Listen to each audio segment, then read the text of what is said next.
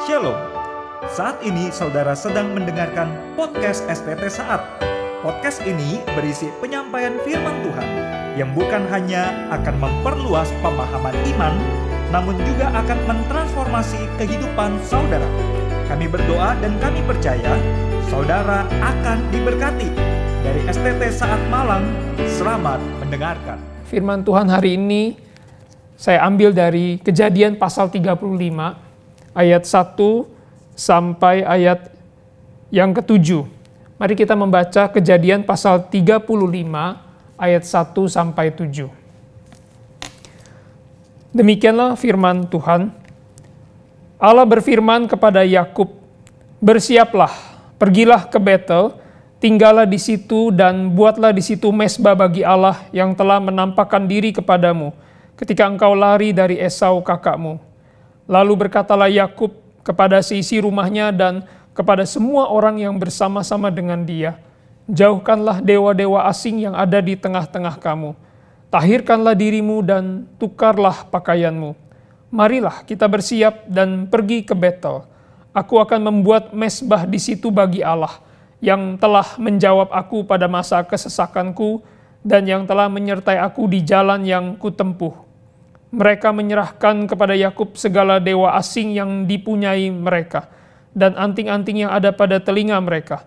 Lalu Yakub menanamnya di bawah pohon besar yang dekat Sikem. Sesudah itu berangkatlah mereka dan kedahsyatan yang dari Allah meliputi kota-kota sekeliling mereka, sehingga anak-anak Yakub tidak dikejar. Lalu sampailah Yakub ke Lus yang di tanah Kanaan, yaitu Betel. Ia dan semua orang yang bersama-sama dengan dia.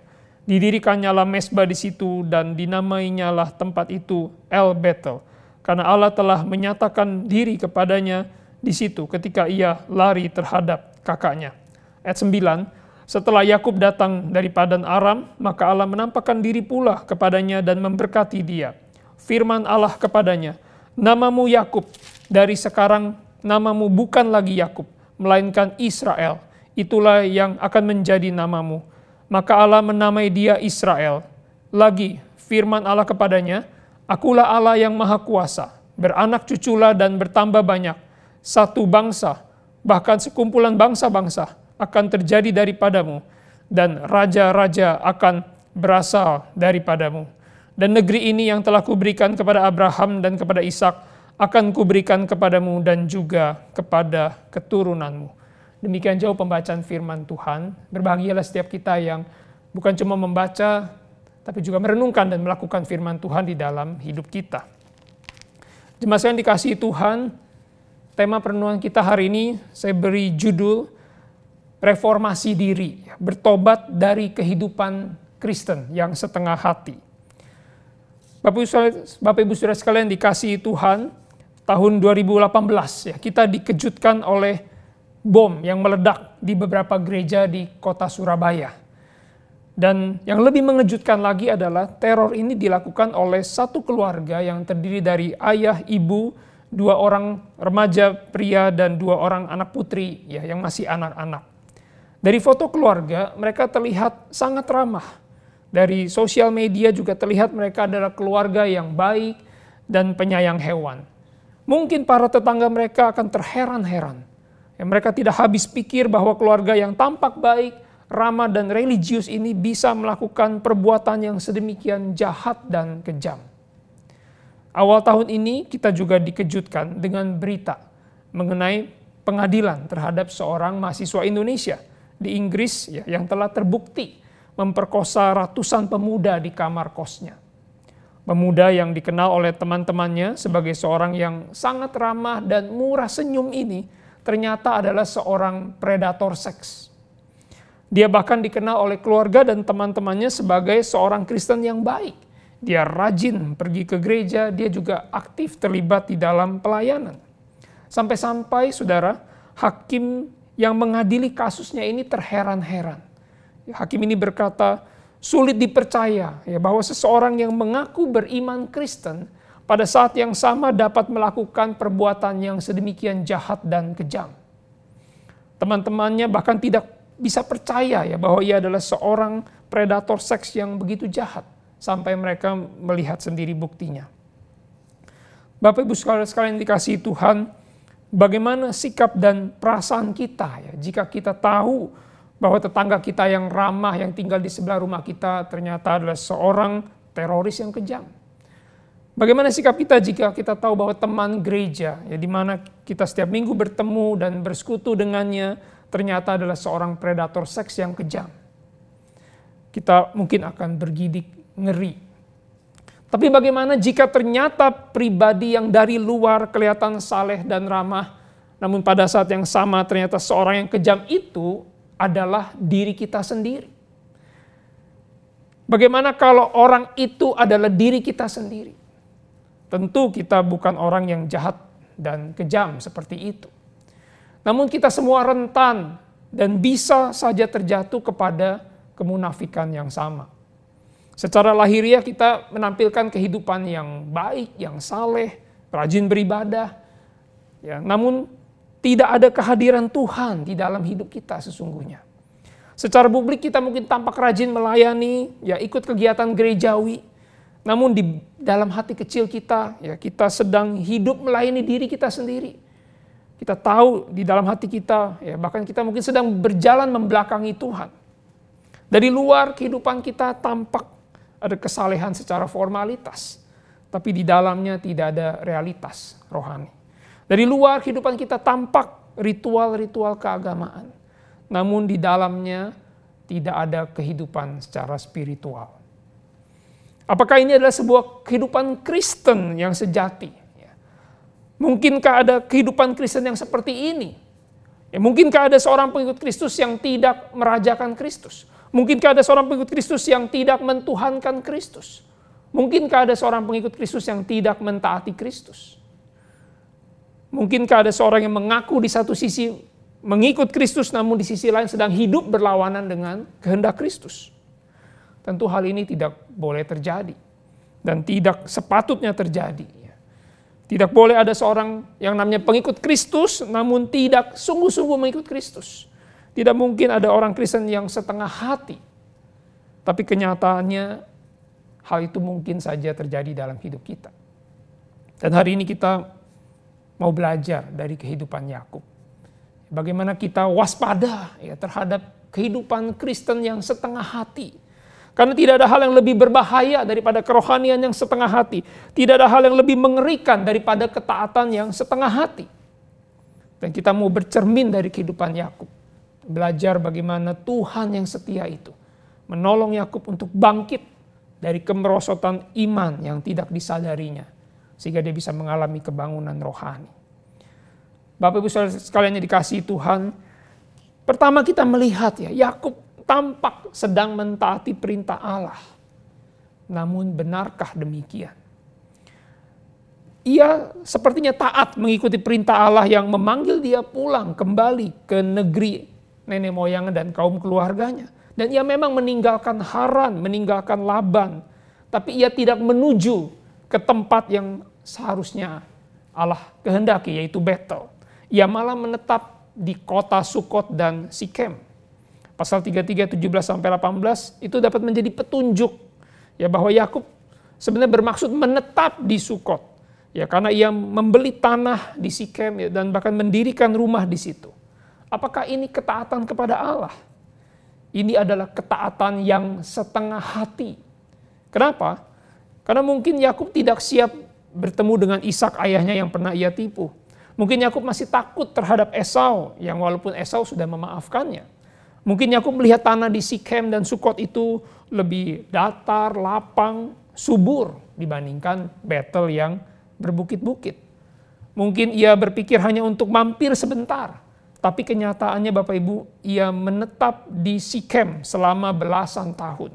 Dari Dina yang masih sangat kecil hingga Dina sudah usia remaja. Jemaat sekali dikasih Tuhan, bagaimana dengan kehidupan kita saat ini? Adakah sikap Yakub ini memperlihatkan juga ya? Apakah sikap Yakub ini memperlihatkan juga sikap kita yang sama? Apakah kita sungguh-sungguh sudah taat kepada Tuhan? Apakah kita sudah sungguh-sungguh ya, melakukan apa yang Tuhan kehendaki dalam hidup kita? Ataukah kita hanya mentaati Tuhan sejauh itu membuat kita enak, nyaman, ya. Sejauh itu tidak merugikan kita atau bahkan sejauh itu menguntungkan kita saja. Mari kita mengevaluasi hidup kita dan bertobat ya dari ketaatan yang setengah hati. Kiranya Tuhan menolong kita dari hal yang seperti ini. Jemaat saya dikasih Tuhan, ketaatan Yakub yang setengah hati ini disebabkan ya oleh kehidupan ibadahnya yang juga setengah hati. Yakub tampak saleh dan beribadah kepada Allah. Namun benarkah demikian? Pasal 33 ayat 20 kalau jemaat sekalian membaca di situ tercatat setelah Yakub menetap di Sikhem, dia mendirikan mesbah dan menamai mesbah itu Allah Israel ialah Allah. Kesannya ia beribadah kepada Allah, tapi benarkah ia menjadikan Allah sebagai pusat hidupnya? Benarkah Allah itu adalah penguasa hidupnya? Kelihatannya hanya formalitas saja. Karena membangun mesbah itu dilakukan terakhir setelah ia merencanakan untuk tinggal, setelah ia menjalankan kemauannya sendiri untuk membeli tanah, membangun rumah, ya dan mengajak keluarganya tinggal menetap di Sukot dan Sikem itu. Apakah Yakub sungguh-sungguh datang mencari Tuhan untuk mentaati perintahnya? Kelihatannya tidak, karena Tuhan maunya dia pergi ke Betel. Ternyata ia datang beribadah kepada Tuhan hanya untuk sekedar mencari pengesahan dari Tuhan hanya sekedar minta Tuhan melegitimasi seluruh tindakannya. Apakah ini ketaatan yang penuh kepada Tuhan? Ataukah ini cuma ketaatan yang setengah hati? Bahkan ini hanya bentuk ibadah yang memperalat Tuhan untuk menggolkan, merestui keinginannya sendiri. Jemaat sekalian, bagaimana dengan kehidupan ibadah kita saat ini? Apakah kita sungguh mencari Allah dengan sikap ya, yang menundukkan diri, mau taat di hadapan Tuhan. Sekalipun kehendak dan rencana Tuhan itu mungkin tidak mudah bagi kita.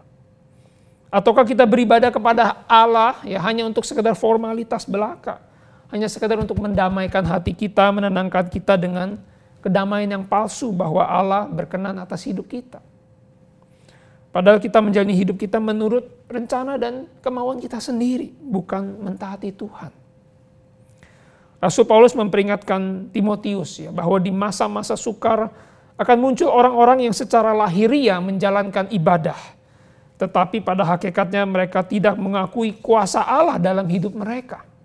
Dalam 2 Timotius 3 ayat 5. Maka Bapak Ibu sekalian dikasih Tuhan, mari kita bertobat dari sikap kepalsuan dan ketidaksungguhan kita di dalam beribadah kepada Allah kepada bangsa Israel yang tidak sungguh-sungguh datang beribadah kepada Allah ya.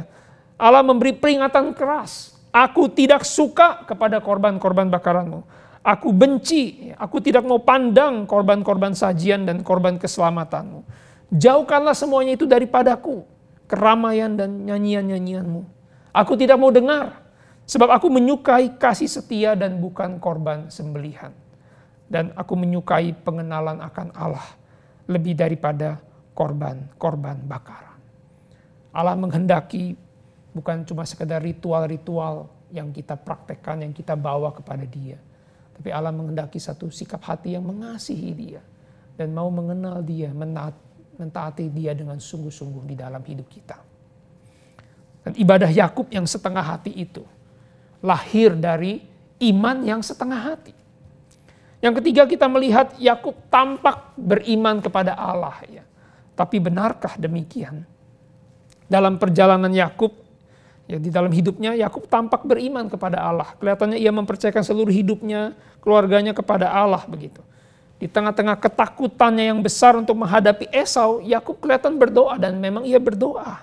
Dia sungguh-sungguh mohon pertolongan Tuhan untuk melindungi keluarganya dari Esau yang ia takuti Esau akan menyerang dia. Namun benarkah Yakub sungguh-sungguh percaya dan bergantung kepada Tuhan? Kelihatannya tidak. Sekalipun Tuhan sudah menunjukkan penyertaannya kepada Yakub. Waktu di Mahanaim, Yakub melihat ada bala tentara malaikat yang menyertai dia. Tetapi justru di dalam perjalanan itu, ya, ketika dia sudah melihat ada bala tentara malaikat, ia malah mengupayakan caranya sendiri untuk mengatasi ketakutannya, kekhawatirannya menghadapi Esau. Ia memikirkan berbagai cara ya untuk melindungi keluarganya dan untuk bisa menenangkan hati Esau. Bukannya berpikir bagaimana dia bisa menyesali perbuatannya, bukannya berpikir bagaimana dia bisa meminta maaf dengan tulus kepada Esau, Yakub malah berpikir bagaimana mengambil hati Esau dengan memberikan banyak hadiah. Setelah melihat sendiri bagaimana Esau memaafkannya, ya, kalau kita perhatikan di pasal 33 itu, Esau memaafkan dia itu seperti kasih bapak ya kepada anak yang hilang. Esau berlari, mendekat, memeluk, mencium Yakub. Setelah Yakub melihat sendiri itu bagaimana Esau memaafkannya, Yakub masih merasa tidak aman. Dia masih merasa tidak yakin begitu ya Esau memaafkannya. Sikapnya kepada Esau itu bukan sikap yang tulus apa adanya. Bukan sikap seorang yang beriman kepada Allah. Karena ia memaksa Esau, ayo terima hadiah dari saya, ayo terima pemberian saya. Padahal Esau sudah menolaknya. Esau bilang tidak perlu, saya sudah cukup. Tapi Yakub seperti memaksa ya, untuk menenangkan hati dia bahwa Esau sungguh-sungguh sudah memaafkannya. Yakub tidak percaya kepada pertolongan Tuhan. Yakub lebih dikuasai oleh ketakutannya dan rasa tidak amannya daripada sikap beriman kepada Tuhan. Yakub sampai berbohong kepada Esau demi menyenangkan hati Esau. Ya, ia berkata kepada Esau, saya akan mengikut engkau ke Seir. Padahal kenyataannya itu cuma kata-kata manis. Ia malah berbelok ke Sukot dan Sikem. Tidak sungguh-sungguh ingin pergi ke Seir. Jemaat sekalian dikasih Tuhan, bagaimana dengan kita? Apakah kita sungguh-sungguh percaya ya, beriman kepada Allah? Apakah kita sungguh-sungguh percaya kepada janji firman-Nya? Apakah kita sungguh-sungguh meyakini dia adalah Allah Immanuel yang beserta dengan kita? Apakah kita sungguh-sungguh meyakini firman-Nya adalah kebenaran yang menuntun langkah hidup kita? Ataukah kita menjalani hidup lebih kepada dikendalikan oleh rasa takut, rasa tidak aman? Ataukah yang mendorong kita, menggerakkan kita, itu adalah rasa tidak aman kita sehingga kita memikirkan cara sendiri untuk menjalani hidup kita. Padahal Tuhan sudah menunjukkan kasih setianya di dalam hidup kita selama ini. Sudah sejauh ini Tuhan menyertai kita. Bahkan di tengah situasi sulit sekalipun yang kita alami saat ini. Masihkah kita mau mengandalkan diri sendiri yang rapuh dan terbatas ini? Mungkinkah ada hal lain yang layak dan kuat untuk kita sandari selain daripada Tuhan yang maha kuasa itu? Yang sudah menjadi manusia mengorbankan dirinya untuk menyelamatkan kita dari hal yang paling menakutkan kita, yaitu kebinasaan yang kekal. Semua ketaatan Yakub yang setengah hati, semua ibadah yang setengah hati, semua iman yang setengah hati itu lahir dari pengenalan akan Allah yang juga setengah hati. Jadi hal ini terlihat dalam kehidupan Yakub Bapak Ibu sekalian. Yakub itu tidak sungguh-sungguh mengenal Allah. Yakub tidak sungguh-sungguh mengenal dan berelasi dengan Allah. Tampaknya saja ia mengenal Allah. Kalau kita baca di pasal 32 ayat 9, Yakub itu mengenal Allah, yang menyebut Allah hanya sebagai Allah nenek moyangnya. Allah kakeknya Abraham, Allah ayahnya Ishak, tapi bukan sebagai Allahnya secara pribadi. Yakub tidak pernah mengenal Allah secara pribadi. Walaupun memang Yakub sudah bergulat dengan Allah semalam-malaman di dekat sungai Yabok itu. Sekalipun ia sudah mengaku melihat wajah Allah, bertemu muka dengan muka ya dengan Allah. Tapi semuanya itu Yakub lakukan bukan untuk mengenal Allah dengan sungguh-sungguh dan untuk mencari tahu kehendak Allah.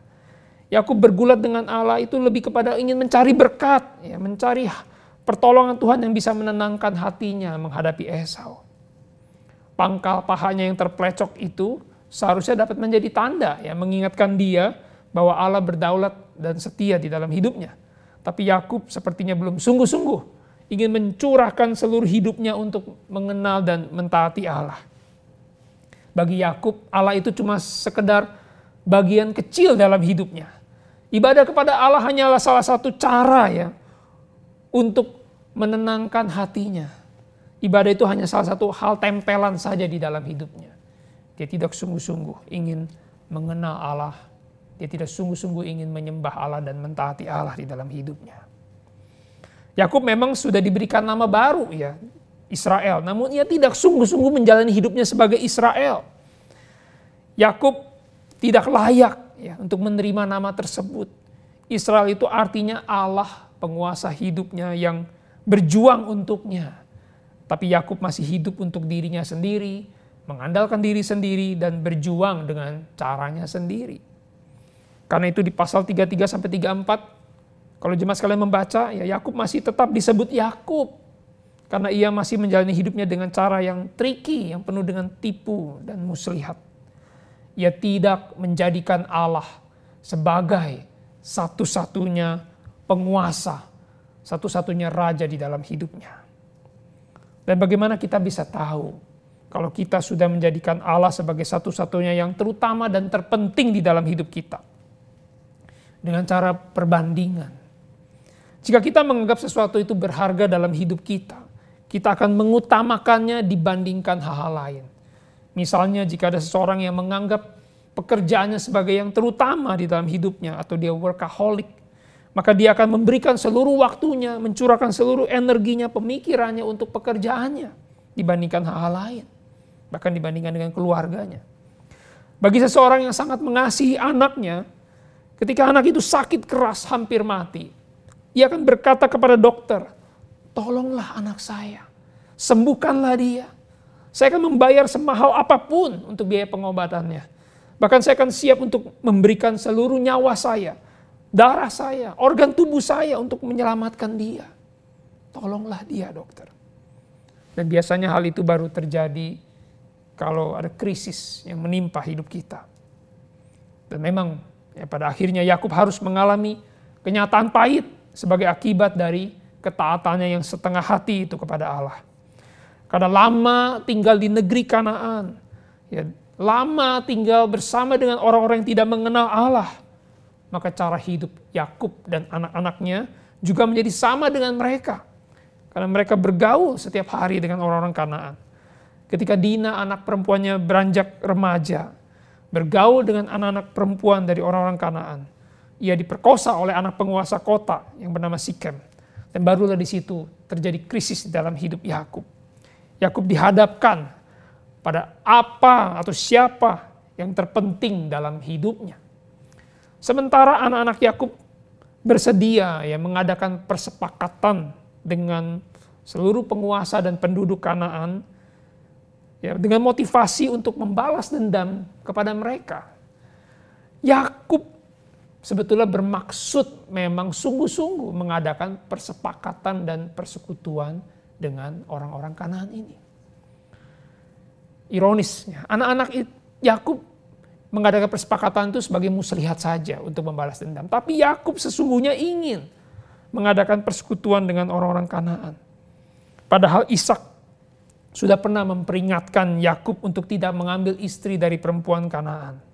Tapi Yakub malah sekarang berpikir untuk menyatukan kedua keluarga, keluarganya dengan keluarga Sikem.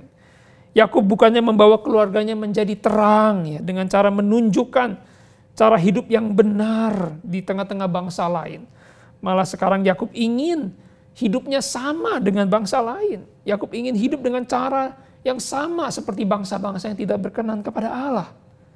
Apa motivasi Yakub? Kalau kita melihat di pasal 34 akhir itu. Ketika ia menegur anak-anaknya yang membunuh semua laki-laki penduduk Sikem.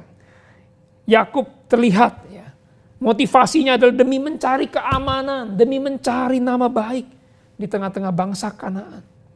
Ternyata di dalam hati Yakub sama sekali tidak ada kerinduan untuk mengutamakan Allah, tidak ada kerinduan untuk memuliakan Allah. Rupanya Yakub yang dari luar ya tampaknya saleh, tampaknya beribadah kepada Allah, tampaknya beriman kepada Allah, tampaknya menati Allah, ternyata tidak ada Allah sama sekali di dalam hidupnya. Ia hanya hidup untuk dirinya sendiri. Hal buruk yang menimpa Dina ya, itu telah menyadarkan Yakub akan kemerosotan rohaninya yang selama ini sudah menggerogoti hidupnya. Dan Tuhan mengizinkan Yakub mengalami semua akibat buruk dari ketidaksungguhannya itu. Supaya Yakub sadar, bangkit kembali. Dan terlepas dari semua kegagalan Yakub dan anak-anaknya di dalam mentaati firman Allah. Rencana Allah bagi umatnya itu tidak pernah gagal. Allah tetap setia melaksanakan janjinya kepada umatnya Israel. Bahwa ia akan menjadi Allah mereka dan mereka akan menjadi umatnya yang taat kepada Allah. Karena itu Allah berfirman kepada Yakub di pasal 35 ayat 1. Allah berfirman, mengingatkan Yakub kembali akan janjinya ketika pertama kali ia sampai di battle. Ketika ia lari dari Esau kakaknya. Setelah ia menipu ayahnya, mencuri berkat dari kakaknya itu. Yakub berlari sampai di battle. Ia melihat tangga ya, yang sampai ke sorga. Ia melihat Allah berjanji menyertai dia.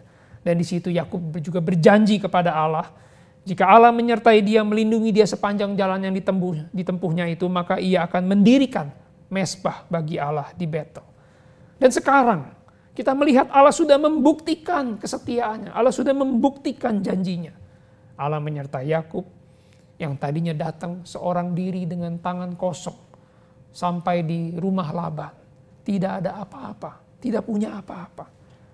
Tapi ia bisa keluar dari rumah Laban, dia bisa meninggalkan Haran dengan membawa seisi keluarganya, membawa istri dan anak-anaknya, membawa seluruh ternak dan hartanya yang banyak itu. Dan itu membuktikan Tuhan setia. Tuhan menyertai. Tuhan sudah memimpin Yakub bisa melewati masa-masa hidup yang sulit sampai ia bisa sampai pada keadaan yang sekarang yang menikmati semua berkat Tuhan. Dan bukankah Allah juga sudah menolong Yakub untuk bisa berdamai kembali dengan Esau? Allah sudah menolong Yakub menghadapi ketakutannya yang terbesar, yaitu menghadapi kakaknya Esau. Dan Tuhan sudah membuktikan ya, pertolongannya. Esau bisa kembali berdamai dengan Yakub. Dan sekarang ya, Allah yang sudah setia itu, Allah yang sudah lebih dulu setia kepada Yakub itu menantang Yakub untuk kembali, ayo memenuhi komitmenmu, kembali setia kepadaku. Karena itu Yakub sadar, ya, segera bangkit dari kemerosotan rohaninya itu. Yang memimpin sisi keluarganya untuk kembali berbakti kepada Allah dengan sungguh-sungguh. Yang memerintahkan sisi keluarga untuk membuang semua berhala, semua terafim yang ada di tengah-tengah mereka. Yang membawa seluruh keluarganya untuk mentahirkan diri secara rohani dan juga mengganti pakaian sebagai simbol mereka mau menyucikan diri di hadapan Allah. Dan ia juga membawa seluruh keluarganya pindah ke Betel. Kota yang seharusnya menjadi tujuan kehendak Tuhan di situ. Setibanya di Betel, dia langsung ya, mendirikan mesbah bagi Allah dan menyebut Allah sebagai Tuhannya. Ia sungguh-sungguh beribadah kepada Allah. Dan sebagai respon dari kesetiaan Yakub kepada Allah itu, ya, Allah sekali lagi berfirman, menegaskan bahwa nama Yakub sekarang menjadi Israel Artinya Allah ada di pihaknya, Allah berjuang untuknya. Dan Allah juga memberkati Yakub serta semua keturunannya. Bahwa nanti keturunannya akan sangat banyak dan lahir daripada keturunannya itu adalah raja-raja. Maka Bapak yang dikasih Tuhan, mari ya, kita datang merendahkan diri di hadapan Tuhan dan memohon kepada Tuhan untuk sekali lagi menyelidiki hati kita.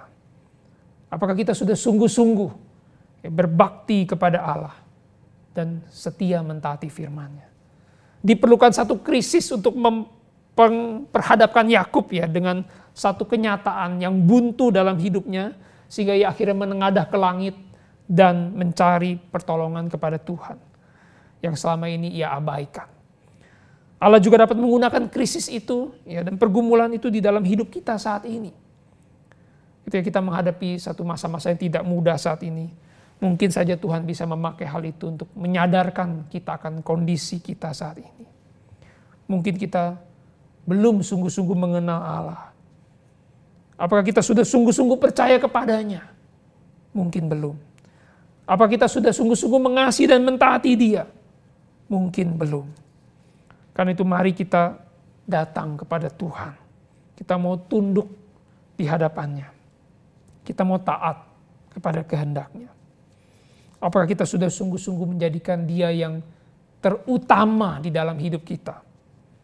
Ataukah Tuhan kita peralat ya hanya untuk memberkati kita, hanya untuk menenangkan hati kita, merestui kita, untuk melakukan seluruh kehendak dan rencana kita sendiri. Jangan sampai kita harus mengalami titik terendah ya, di dalam kemerosotan iman kita. Jangan sampai kita harus mengalami dulu akibat buruk dari ketidakseriusan kita mengikut Tuhan. Betapa berbahayanya ya kondisi rohani yang setengah hati itu. Betapa rapuhnya fondasi iman yang setengah hati itu dan betapa mengerikannya ya kehidupan rohani yang setengah hati itu. Karena kita merasa diri baik-baik saja. Kita merasa diri dalam kondisi yang aman-aman saja. Padahal kita sedang dalam kondisi gawat darurat. Lebih baik ya seorang berdosa yang mengalami akibat buruk dari dosanya sehingga ia bertobat kembali kepada Tuhan daripada orang Kristen yang setengah hati merasa kerohaniannya baik-baik, merasa hidupnya baik-baik. Padahal ia sesungguhnya sedang berjalan menjauh dari Tuhan. Ia sedang berjalan melawan Tuhan. Bulan Oktober ini kita memperingati reformasi gereja. Hari reformasi mengingatkan kita ya untuk selalu memeriksa diri, mengoreksi diri, membenahi diri di hadapan Tuhan. Reformasi gereja terjadi karena Tuhan menggelisahkan hati beberapa orang yang mencintai dia dan melihat ketidakberesan di dalam gereja. Kala itu gereja sudah tidak lagi mengutamakan Tuhan dan firman-Nya. Para pemimpin gereja sibuk mencari uang untuk membangun gedung gereja yang lebih megah dan lebih megah lagi. Para pemimpin gereja sibuk mencari dukungan politik. Para pemimpin gereja tidak lagi mengajarkan firman Allah kepada jemaat. Para pemimpin gereja malah sibuk memperalat Tuhan dan firman-Nya untuk memenuhi rencana dan agenda mereka sendiri. Akibatnya umat Allah tidak mengenal Allah. Jemaat tidak lagi mengenal kebenaran firman Allah. Karena jemaat tidak mengenal Allah dan firman-Nya, jemaat tidak lagi percaya, tidak lagi bergantung kepada Allah. Sebaliknya gereja malah mendidik jemaat untuk percaya kepada patung, kepada relik-relik dari orang-orang kudus. Gereja bukannya membawa jemaat untuk mendekat kepada Allah, malah semakin membawa jemaat jauh dari Allah dan tersesat. Karena itu Tuhan Allah memakai para reformator untuk mengingatkan gereja dan jemaatnya untuk kembali menjadikan Tuhan dan firman-Nya itu sebagai yang terutama di dalam hidup mereka. Dan kiranya peringatan hari reformasi ini mengingatkan kita akan hal ini. Kiranya hanya Kristus satu-satunya Tuhan yang layak ditinggikan dan ditaati di dalam hidup kita. Kiranya hanya anugerah Tuhan semata yang mengingatkan kita untuk terus bersyukur dan tetap setia. Dan kiranya hanya iman di dalam Kristus itu yang menjadi satu-satunya sumber pengharapan, sumber kekuatan di dalam hidup kita. Dan kiranya hanya firman Allah yang kekal ini, firman Allah yang hidup ini menjadi satu-satunya sumber kebenaran yang menuntun hidup kita. Mari kita kembali memeriksa hati kita dan hidup kita. Sudahkah kita sungguh-sungguh mencintai Tuhan dengan sepenuh hati, mentaati Dia dengan seluruh hidup kita, beribadah dan berbakti kepada Dia dengan sungguh-sungguh. Saudara baru saja mendengarkan firman Tuhan yang kami percaya akan menumbuhkan iman saudara. Sampai jumpa pada podcast STT saat berikutnya. Tuhan memberkati.